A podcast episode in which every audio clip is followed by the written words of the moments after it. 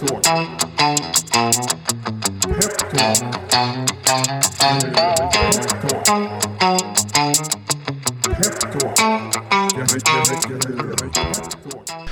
och välkomna till ett nytt avsnitt av Peptalk som leds av mig, Niklas Danko. Och mig, Jakob Karlegat. Och idag gästas vi av George Sharkviani som är VD och grundare av emotionsaktuella Freedrum Studio. Freedom Studio är ett bolag som har tag, eh, tagit fram en unik lösning för virtuella trummor och en ackompanjerad app.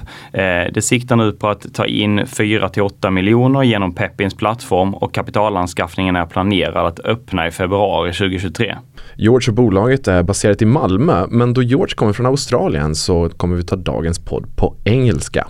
So before we start to dig into the world and more importantly the future of drums, how does an Aussie like you, George, end up in Sweden and start selling virtual drums? Can you tell us a bit about yourself and uh, how Yeah, did you end sure. up here? Sure, sure. So it was um it was a bit of a long it was a bit of a long journey for me. I um I originally uh, after after I graduated from high school, I started studying first design and then an engineering degree, and I was very I've always been very much so into front end innovation, and uh, Australia is an, an amazing place. It's an incredible, really a, a wonderful place to grow up and live. But as far as professional work at the time goes, uh, if you finish with an engineering degree, uh, nine out of 10 engineers would move into the natural resources sector, so coal mining and things like that.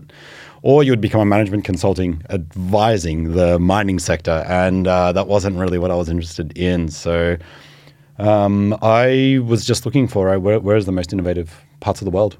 Um, and I had a couple of companies on my bucket list, so I just figured I'll try Scandinavia. And um, my first stop was Copenhagen, working at Nokia. Uh, so I spent a while there, and I, I need to stress it was pre-iPhone Nokia, so it was a totally different beast at the time.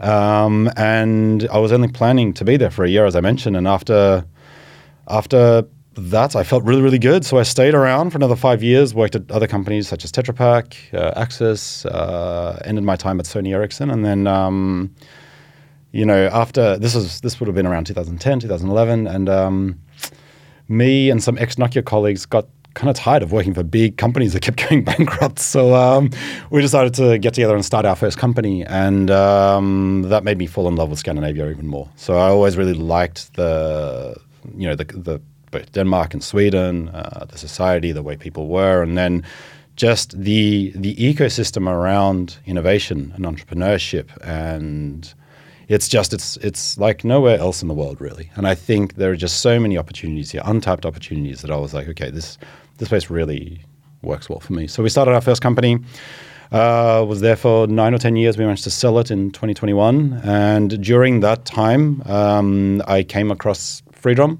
um, got involved at a board level in 2019 and when my vesting contract was done with my first business after we after we sold it, I was figuring out what I wanted to do next in my life, and I've been a lifelong musician uh, myself, so you know it just felt like such a natural fit. You know, it's like it's it's very complex engineering problems that we're solving, super high in innovation, but it's at the same time it's music and it's bringing joy to people's world. So it was just such a natural step, and that's why a one-year sprint at Nokia turned into 15 years uh, in uh, in Sweden. So that's it.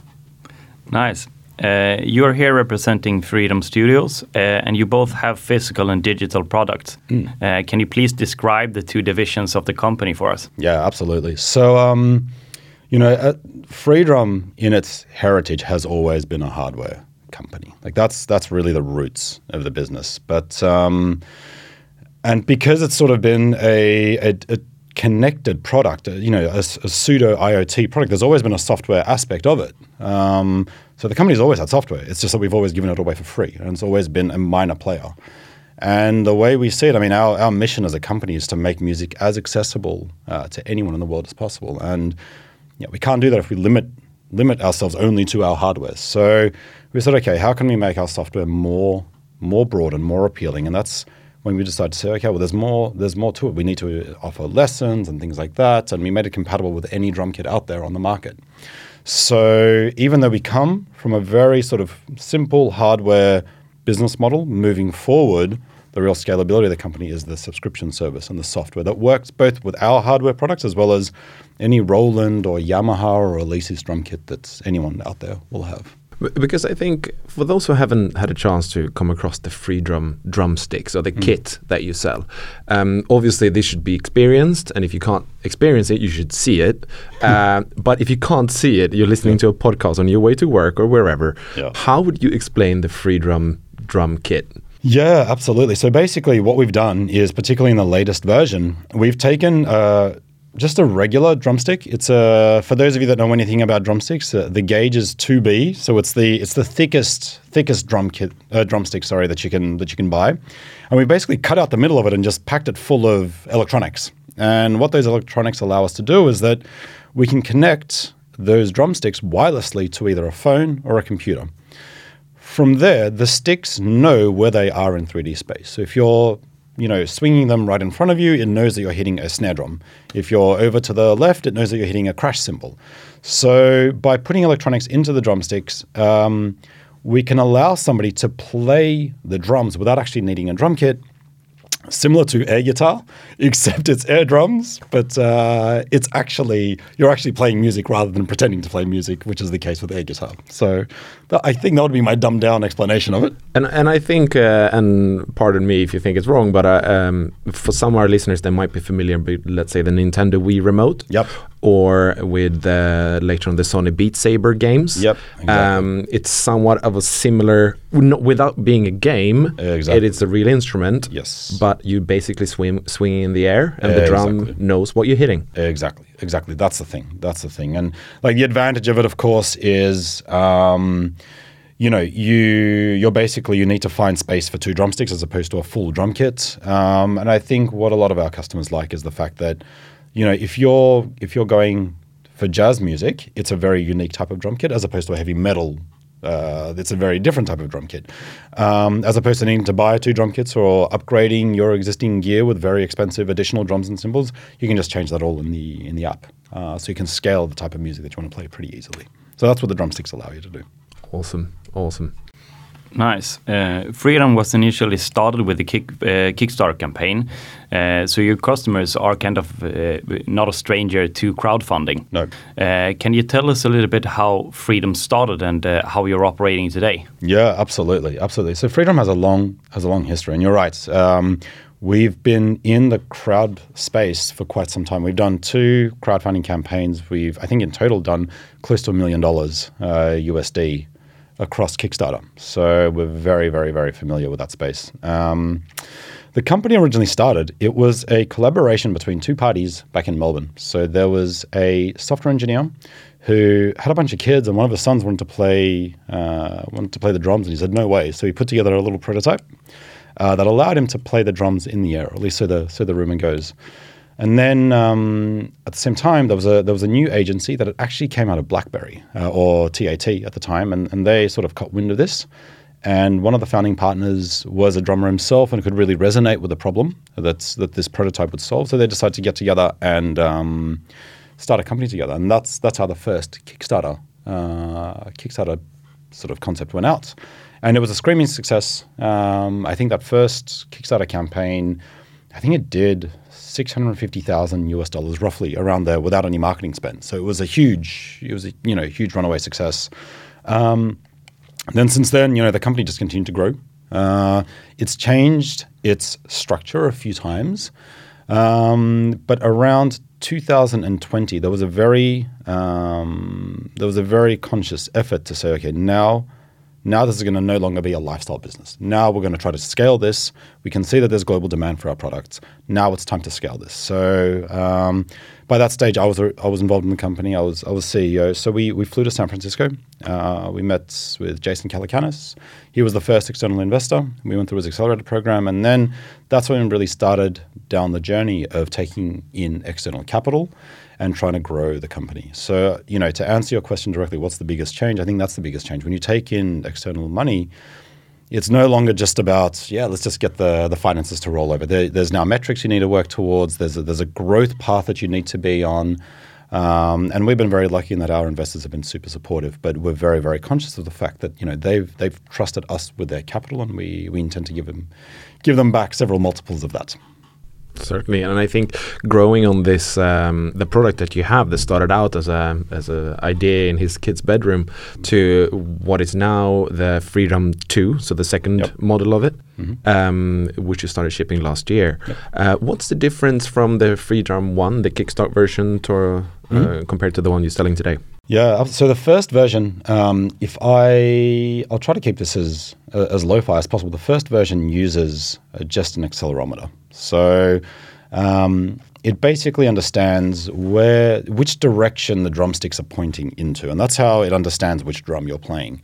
With the second version, we wanted to do something that was a little bit more advanced in that we wanted true 3D positioning, and that's to, to explain how that works.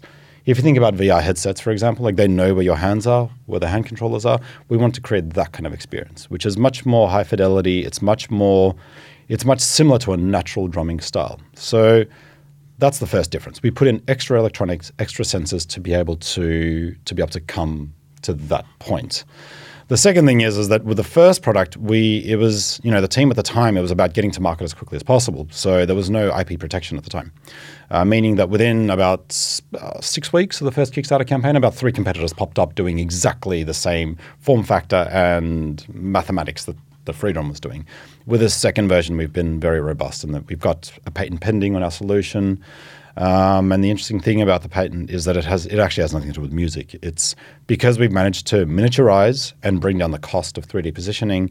We the patent is um, it's about any computer accessory or gaming peripheral. It has nothing to do with music or drumming specifically. So I would say it's those two. Those are the two biggest differences. Okay, uh, drums are generally considered a large, loud, and expensive, and uh, a- few other instruments have such a high barriers to enter. Uh, how big is the market uh, you are going for, and uh, what do you start? Is it like kids or musicians, or are there Yeah. any other areas? Yeah, absolutely. So I think um, right now there's about 5 million drummers out there in the world. Um, when we look at the addressable market, we don't think about it that way. We think more of it in the perspective of who out there has ever dreamt of being a rock star. You know, and when we look at it in that regard, we think that is the addressable market that we're going after. Because as you say, uh, music in general has a high barrier of entry. I think that industry has been very slow to adapt to digitalization um, and drumming even more so because it is, as you say, such a big, cumbersome, expensive instrument. Uh, in terms of the in terms of the actual target, it's it's less about age group for us. It's more about where you are in your musical journey. Um, you know, we've taken a pretty sort of we've drawn a very clear line in the sand and said, okay, we're going for beginners. You know, so we make our software very consumer friendly, very inviting, very open. The drumsticks, the way they're sold, the way they're presented, it's not like the way instruments are presented. It's more, it's more like a modern, you know, consumer product in that regard. Uh, what's been really interesting, at least historically, is that even though we're positioning the product that way, the majority of our the majority of our customers are actually experienced drummers, and we actually have a, a small sector of professional uh, musicians as well. And I think it's just you know it plays back to that initial theory of uh, unless you're a professional musician, 99% of the time you're not next to your drum kit. You're not in your studio. And as opposed to a guitar or, you know, like if you're a runner, for example, you can take your hobby with you. But like with drumming, that if you're not by your drum kit, the next best option is either sort of tapping your phone or tapping on, a, on the back of a bucket, really. So, um, you know, that, that sort of resonates with experienced drummers. So I think that's why they've adopted our products. But we we really we, we make the world of music as open and easy for anyone out there. We want to make it as much of an impulse decision as it possibly can be. So it can be more of like a, a travel-sized drum kit for the experienced drummer. Uh, absolutely, absolutely. That, that is one user case. I mean, I know at least for our professionals, when they use it, at least the feedback that we've gotten is that they bring it into the studio. You know, if you're a music producer, they're less concerned about the drum kit. They're more con- they're more concerned about the rhythm that they're creating. And for them, uh, you know, because our hardware works with any studio software, any DAW as they're called, um, for them it's a much more expressive way to create a rhythm than tapping on a keyboard would be. You know, they can, they can create a rhythm on a keyboard, but at least that's the way they've they use our product. But you know, absolutely for those people that are just hobby drummers, you know, going on holiday, they can bring this with you. Uh, so for sure. It's very interesting. Very cool. Um, so you mentioned there briefly that with the Kickstarter campaign, um, there were some competitors popping up, but now with Freedrum 2, it seems like you uh, um, you have a great advantage in the market. Uh, but what kind of um, competition do you see out there? Who do you actually compete with? Yeah, so I think um, for us, uh, we really want to compete in the digital space because uh, again, that's where we think that the um, you, you mean the software and the, exactly, the learning exactly program, exactly. Yeah. And there are a couple of there are two major big players that are doing uh, specifically software for. Um, for drummers, you know, I won't I won't call them out by name, but I think our biggest point of difference is that um, we're software driven. They are much more um, they are much more content driven, and you know I'll elaborate on that. If if you think of, I mean, they're a little bit like masterclass, but specifically for drumming. So they bring in, bring in uh, very famous session drummers and they give lessons. But their system, at the end of the day, it doesn't know if you're playing the drums correctly, doing the lesson correctly, or anything like that. With, with our system, because it's software driven, we understand in real time: are you are you on beat? Are you hitting it too hard? Are you hitting it too soft? Maybe your hands are on time, but your feet are totally off. You know, our system knows that and gives that back to the student in real time, which is about as close as you're going to get to having a private tutor sitting next to you. Um, and that's really what we're going for. I think the second point of difference that we see is that they are very much so appealing to the existing body of drummers. You know, whereas for us, we're saying, look, of course we want to service drummers, but for us, we're going after again, who out there has ever dreamt of being a rock star? You know, and we feel there's a ton of those people out there. So our, our long-term goal, goal, sorry, is um, is basically we believe that there's 250,000 people globally that we can convince to pay 10 bucks a month for some drum lessons. You know, especially when you consider that a, a, drum lesson costs about $65 per hour on average, depending on where you are in the world. Uh, we think we have a good good chance of getting there. And and I think that because um, we now would like to speak a little bit about your business model, and you keep coming back to the software and mm -hmm. the subscription um, the subscription service that you have. Mm. the drum kit itself uh, comes with um, like a, a, free to use uh, yep. part of the software yes. and some free lessons, but you can really doesn't matter where in your um, journey as a musician, there's always something to tap into and learn from. Would you, because for some of our, uh, the potential future investors through Pepins, yep. um, what's your uh, focus going forward? Yep. Yeah, absolutely. Look, I mean, we're, we'll always have a hardware element. We do feel that it, it is a real competitive advantage um, for us. It, it really makes our brand stand out. Um, it also makes us think differently in terms of okay, how can we address, you know, how can we find those, you know, aspiring rock stars? Um, but the the real focus moving forward is the software. I think that's really where the scalability is going to be. Um, you know, the hardware. However much I love it, we understand also that the music is the music sector is quite conservative. It's not for everyone. Uh, but music lessons are still very relevant for everyone. So we want to be able to sell music to any type of drummer out there. So you know, like right now, the subscription service is available with any version of our hardware, as well as any um, any electronic drum kit out there on the market, whether it's a Roland or a Yamaha or a Alesis, or I think there's been one like sort of really minor. Uh, minor brand out of Asia that we haven't been able to connect to, but basically any any drum kit out there that's electronic, we've got a plug and play solution for. And I think longer term, our ambition is to double down on that R&D um, and uh, really make the service available to anyone with an acoustic drum kit as well. Uh, that's sort of like our stretch goal uh, for the year. And I, I, think there's good cause for it. I mean, right now, the, the service is about a year old. Uh, we released the MVP at the end of 2021, and it was a pretty flat start for us. But even though it's early days, since late summer, we're, we're growing on an average of 5% per week uh, in terms of subscribers and MRR. So you know, we think that there's a lot of opportunity there to double down on that, both in terms of R&D spend as well as marketing spend. So that means that uh, even though you are a user of one of your competitors' drumsticks, you can still use your yes. Uh, yes. application. Exactly, mm. exactly, exactly. And I mean, you know, virtual drumming uh, is still a very small niche part of the overall music industry. The mainstream is still electronic drums or acoustic drums, and uh, you know, we started with electronic drums first. It was a function of R and D. It was just easier to connect to electronic drums than to acoustic drums. Um, but then, secondly, if you look at the long-term trends within the industry, acoustic drumming on general, like acoustic drum kits, traditional drum kits, they're going down in sales over the last ten years. Whereas electronic drums, that's the, that is the sector of the percussion market that is growing very actively year on year on year on year on year. That's where a lot of the innovation is happening. All right. Uh, partnerships with distributors uh, is a great way to expand into new markets. Uh, and I know for a fact that you uh, have a partnership with uh, Amazon Europe. Do you have any other dialogues uh, with partnerships right at the moment? Yeah, we do, actually, we do. Um, so, firstly, um, you know, again with Amazon, uh, we're expanding. We're hoping to sort of expand into other regions. Um, you know, because Amazon sort of separates themselves between like North America and Europe and you know Asia and Australia and stuff like that. So that's that's actively ongoing, and then. Uh, we are in discussions with several large uh, retailers as well, both in North America as well as Asia. Um, for us right now, we're self financing our manufacture. So we're really struggling to keep up uh, to keep our capacity up there.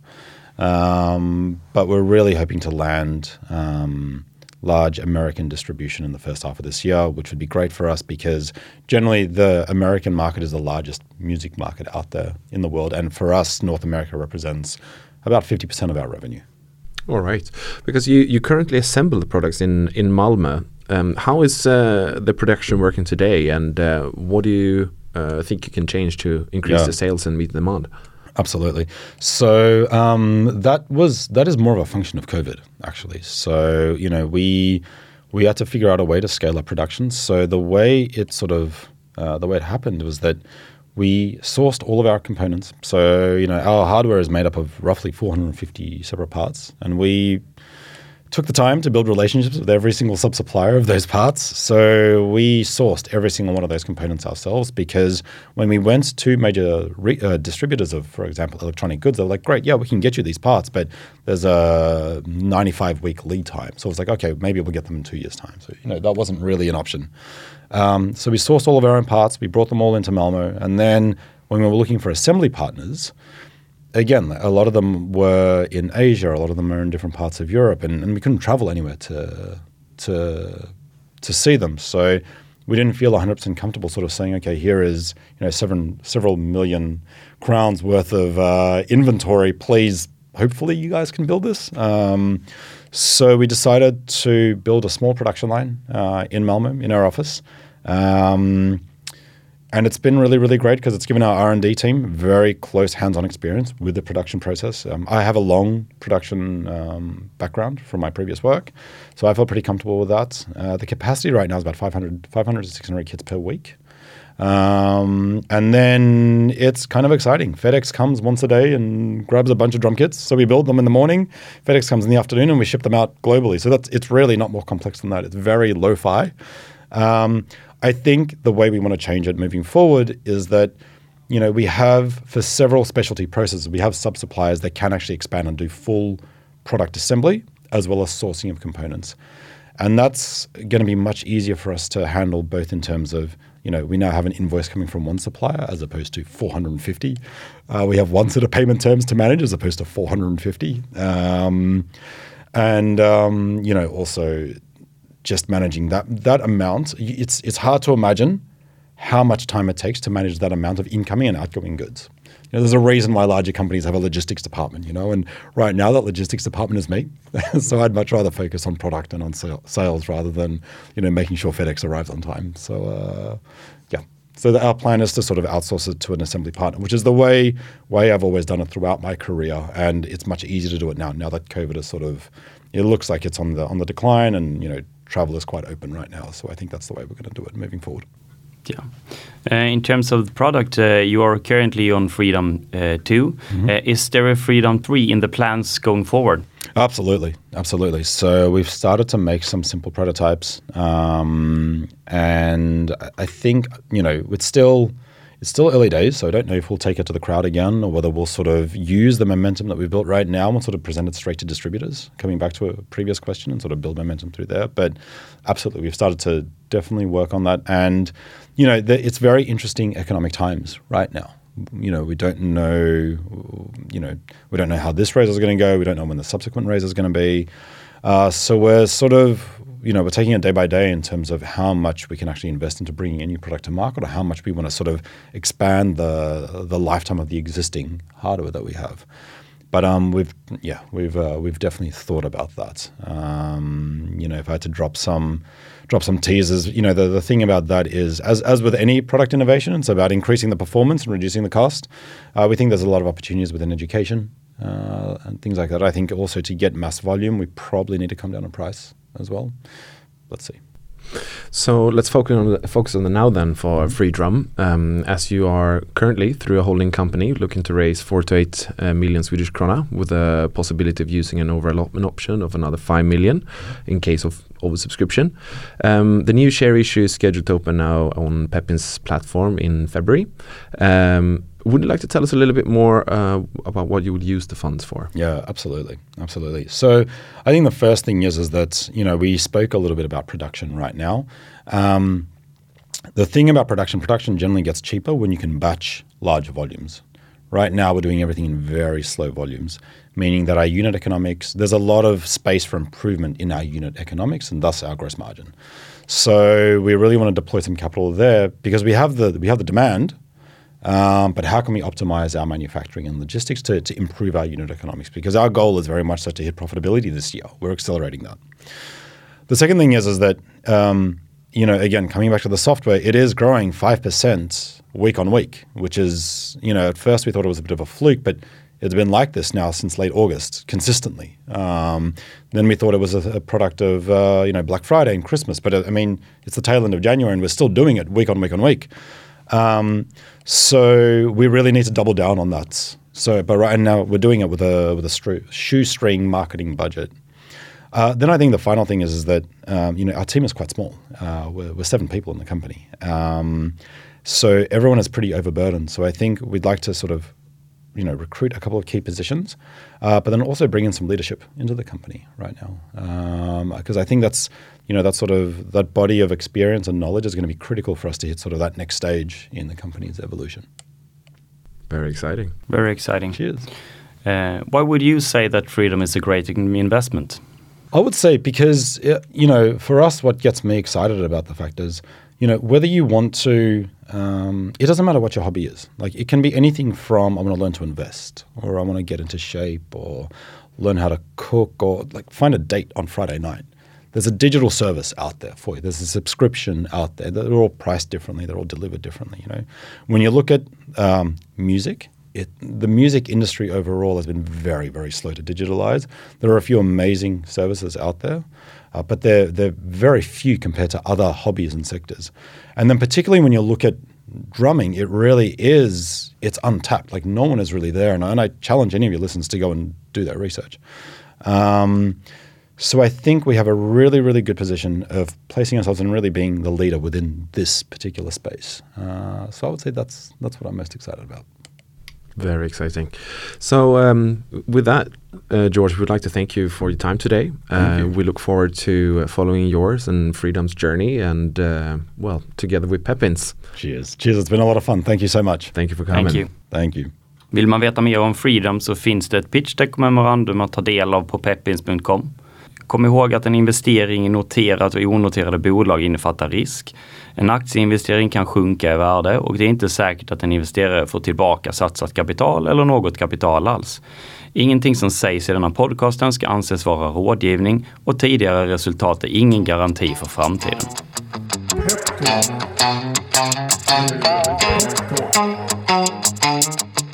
Pepto. Pepto.